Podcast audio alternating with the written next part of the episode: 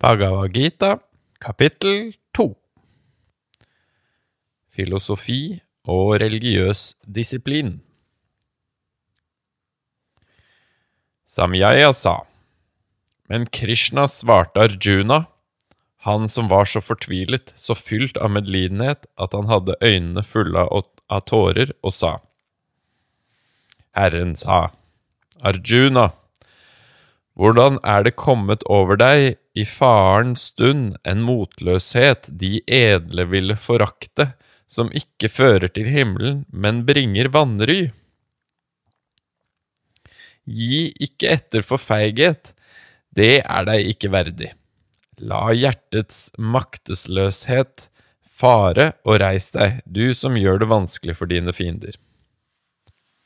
Arjuna sa, Krishna, hvordan skulle jeg kjempe med piler mot Bisma og Drona, som er min heder verdig? Det er bedre for meg å leve som tigger i verden uten å ha drept mine mektige læremestere, enn om jeg skulle nyte blodsbesudlede gleder etter å ha tatt livet av mine læremestere, som jo bare søker å nå sine mål. Ikke vet vi hva som er best, at vi beseirer dem eller de oss. Dreper vi Dhritarashtaras sønner fremfor oss her, ønsker vi ikke leve. Mitt indre er slått i stykker av svakhet, og tankene mine forvirres når det gjelder det som er rett. Så jeg spør deg hva som er best. Si det, og la det bli avgjort. Jeg er din elev og kommer til deg. Rettled meg. For jeg ser ikke hva som kan ta bort min sorg, som tørker sansene ut, selv om jeg skulle oppnå blomstrende eneherredømme over hele jorden, selv herredømme over gudene. Samyaya sa, etter at Arjuna hadde meddelt seg til Krishna på denne måten, sa han, jeg kommer ikke til å kjempe, og var taus.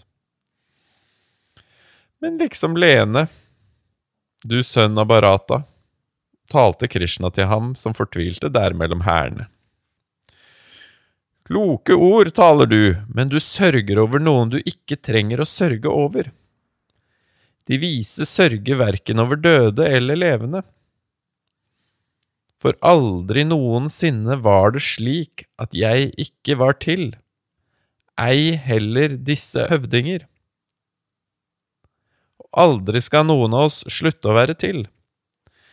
På samme måte som det inkarnerte selvet opplever barndom, ungdom og alderdom i kroppen, opplever det også å få en ny kropp.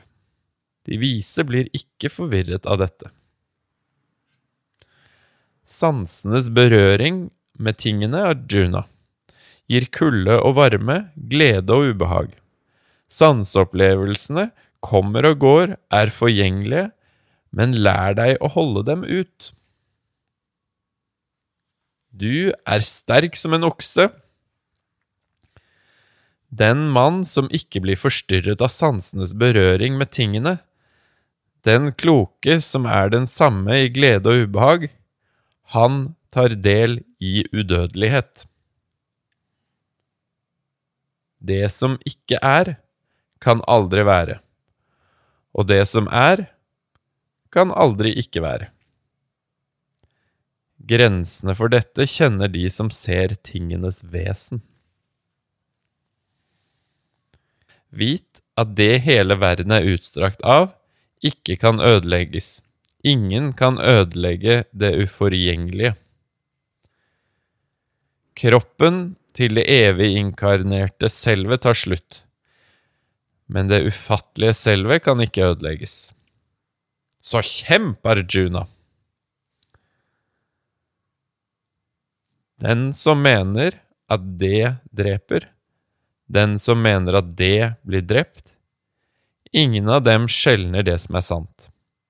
Det dreper ikke, det blir ikke drept. Det fødes ikke, det dør ikke, aldri ble det til, ei heller vil det noen gang bli.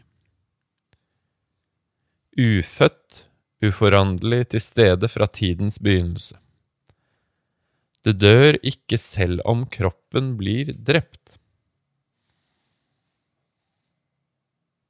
Den som vet at det inkarnerte selvet ikke ødelegges, at det er evig, ufødt og uforgjengelig, hvordan kan han få noen til å drepe?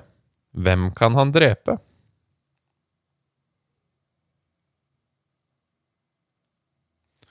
Som en mann kaster fra seg sine gamle klær og tar på seg nye, vandrer det inkarnerte selvet videre til andre kropper etter å ha kastet den gamle fra seg.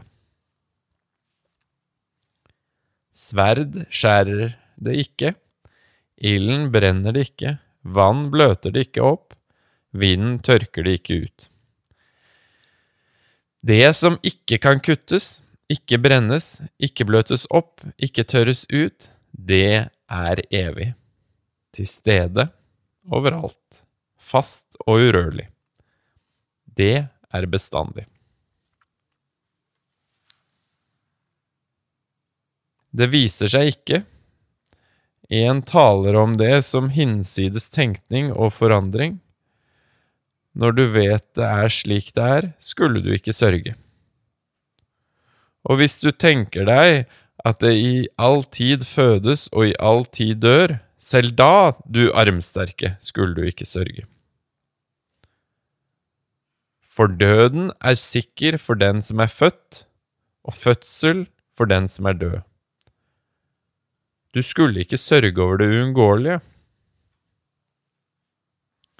I begynnelsen viser ikke skapningene seg. I tiden som er mellom, viser de seg. Når tingene tar slutt, viser de seg ikke.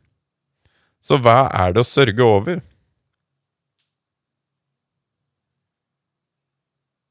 Noen ser på det som et under.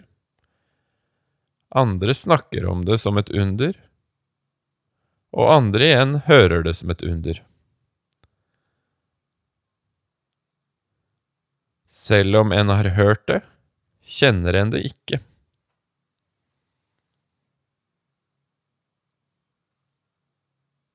Aldri kan det inkarnerte selvet skades i noen kropp, Arjuna. Derfor skulle du ikke sørge over noe vesen. Så se din plikt, vik ikke tilbake, ikke noe annet er bedre for en kriger enn å kjempe. Lykkelig er en kriger som havner tilfeldig i slik kamp. Den er en åpen dør til himmelen. Men kjemper du ikke, vraker du plikt og ære, pådrar deg synd. Folk vil i stedet fortelle om ditt uforgjengelige vanry, og det er verre enn døden når en er høyt æret. De tapre vognkrigerne som har store tanker om deg, vil tro du har forlatt striden på grunn av frykt. Du faller i deres øyne. De som ønsker deg vondt, vil si mye som ikke burde vært sagt, og forakte din styrke.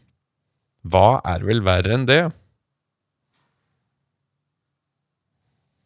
Dør du, Kommer du til himmelen, seirer du, kan du nyte jordlivet. Så reis deg, Arjuna. La det være avgjort at du skal kjempe.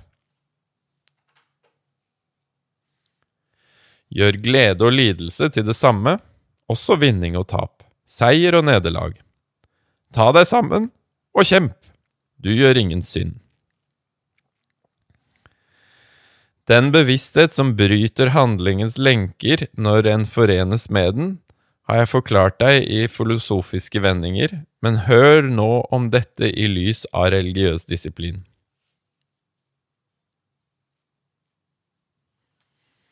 I denne disiplin går ingen forsøk tapt. Bare litt av denne læren beskytter mot stor frykt.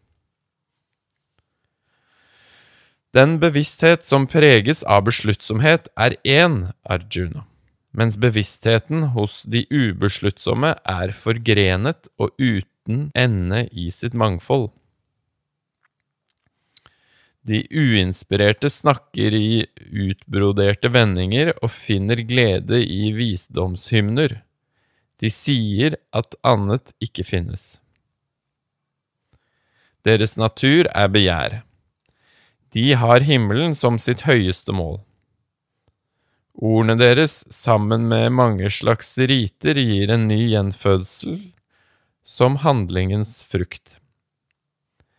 De har bare for øye å oppnå nytelse og makt.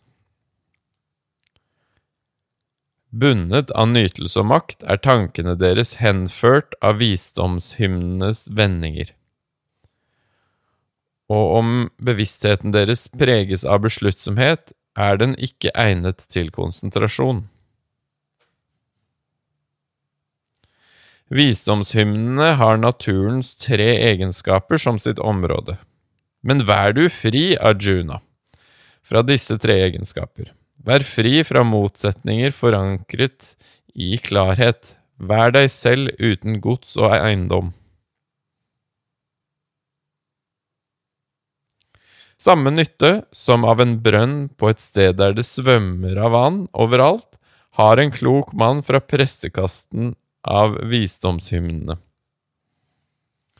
Ditt mål skal være handlingen, aldri dens frukt. La ikke handlingens frukt være ditt motiv, men vær heller ikke bundet i uvirksomhet.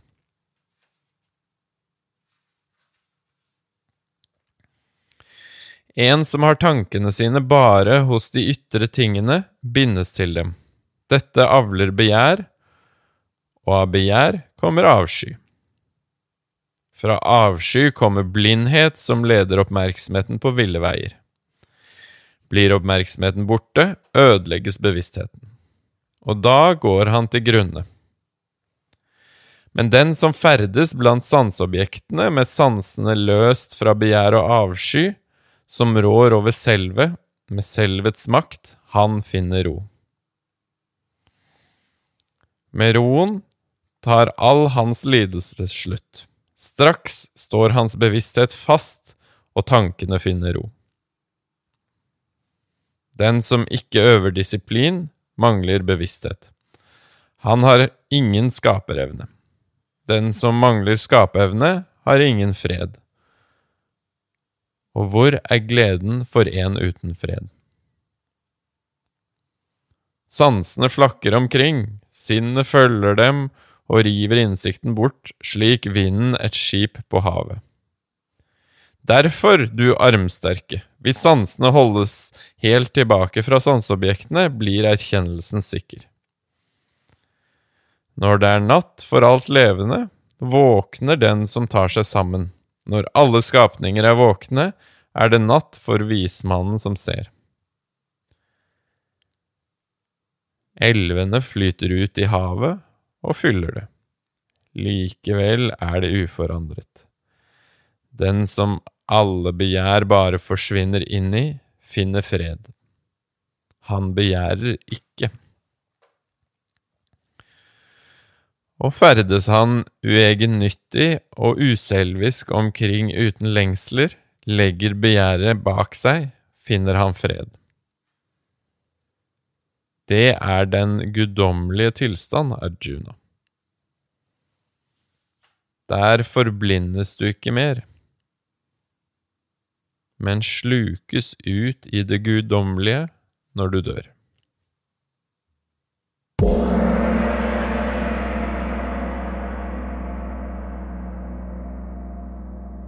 Bhagavad Gita er oversatt av Jens Bråvik, Signe Koen, Knut A. Jacobsen, Knut Kristiansen, Georg von Simson og Hanne Svendsen.